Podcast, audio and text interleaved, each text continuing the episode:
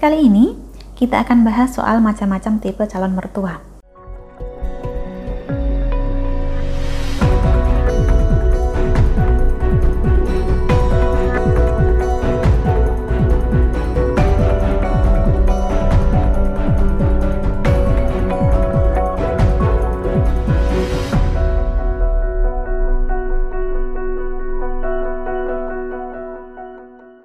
Salam Rahayu dengan Dewi Suntari di sini. Apa kabar Anda? Saya doakan semoga selalu sehat dan senantiasa diberikan kemudahan serta kelancaran di mana pun Anda berada. Kali ini kita akan bahas soal macam-macam tipe calon mertua. Sekedar untuk wawasan saja, siapa tahu bisa menjadi pertimbangan tersendiri bagi Anda yang saat ini sedang berencana untuk serius dengan pasangan dan berharap mendapatkan restu pihak keluarga. Namanya mendapatkan restu memang susah-susah gampang. Bagi banyak dari kita, Cari pasangan yang pas saja sudah sulit. Giliran sudah mendapatkan pasangan yang tepat, ada kalanya malah restu yang gagal kita dapat. Kalau bisa, tentu saja jangan sampai seperti itu situasinya. Kita tentu berharap rencana kita untuk berumah tangga tidak terganjal restu orang tua. Dan mestinya akan lebih mudah bagi kita untuk mendapatkan hati calon mertua bila kita tahu orang tua pasangan kita ini tipe yang seperti apa, serta menghadapinya bagaimana. Langsung saja, Tipe calon mertua yang pertama adalah calon mertua yang suka mengajukan berbagai syarat. Dasarnya, calon mertua Anda ini sangat menginginkan anaknya punya pasangan yang bisa diharapkan dan bisa dibanggakan juga. Karena itu, mereka pun hanya mau memberi restu bila Anda sudah disyarati macam-macam dulu.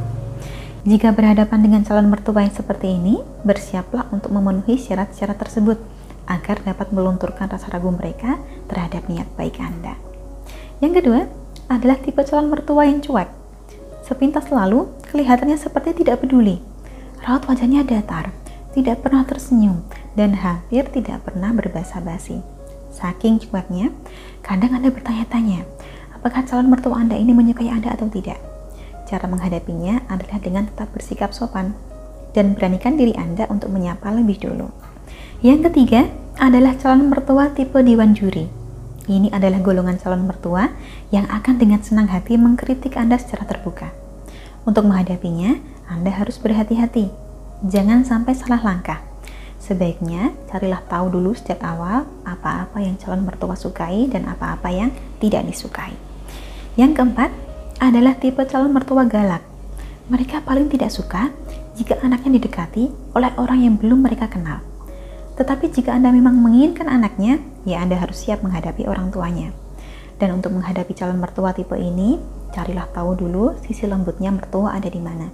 Hobinya mungkin, atau kegemarannya, agar calon mertua bisa lebih mudah melunak pada Anda. Yang kelima adalah tipe calon mertua yang menganggap anaknya sebagai investasi, bukan anugerah. Jadi kalau Anda mau meminang anaknya, ya mereka mengharapkan imbalan yang sepadan, Bila berhadapan dengan calon mertua seperti ini, yang dapat Anda lakukan hanya bersabar dan besarkan maklum Anda. Sebisa mungkin, jangan terlalu sering-sering bertemu dengan mereka. Yang keenam adalah tipe calon mertua penjemburu.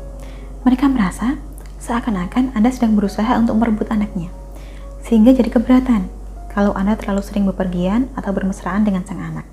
Cara menghadapinya adalah dengan mengajak serta calon mertua bila Anda berniat pergi dengan pasangan. Dengan begitu, kecemburuannya tidak akan menjadi-jadi. Sedangkan yang terakhir, atau tipe calon mertua ketujuh, adalah calon mertua yang ramah. Inilah tipe calon mertua yang paling kita inginkan. Mereka cenderung mudah terbuka pada Anda dan sikapnya juga tidak kaku, tidak menuntut macam-macam. Bila memiliki calon mertua seperti ini, pastikan Anda sering-sering menemaninya dan jadilah pendengar yang baik. Nah, kurang lebihnya, Itulah ketujuh tipe calon mertua yang paling sering kita jumpai, serta bagaimana menghadapinya. Sebagai tambahan, bagi Anda yang saat ini termasuk kaum pejuang restu, ada amalan khusus untuk mendapatkan restu calon mertua yang bisa Anda baca di bagian deskripsi video. Doa saya semoga hubungan Anda lancar, direstui oleh kedua belah pihak keluarga, dan rukun harmonis untuk seterusnya. Akhir kata cukup sekian dari saya. Terima kasih banyak telah menyaksikan. Sampai jumpa di kesempatan selanjutnya dan salam rahayu.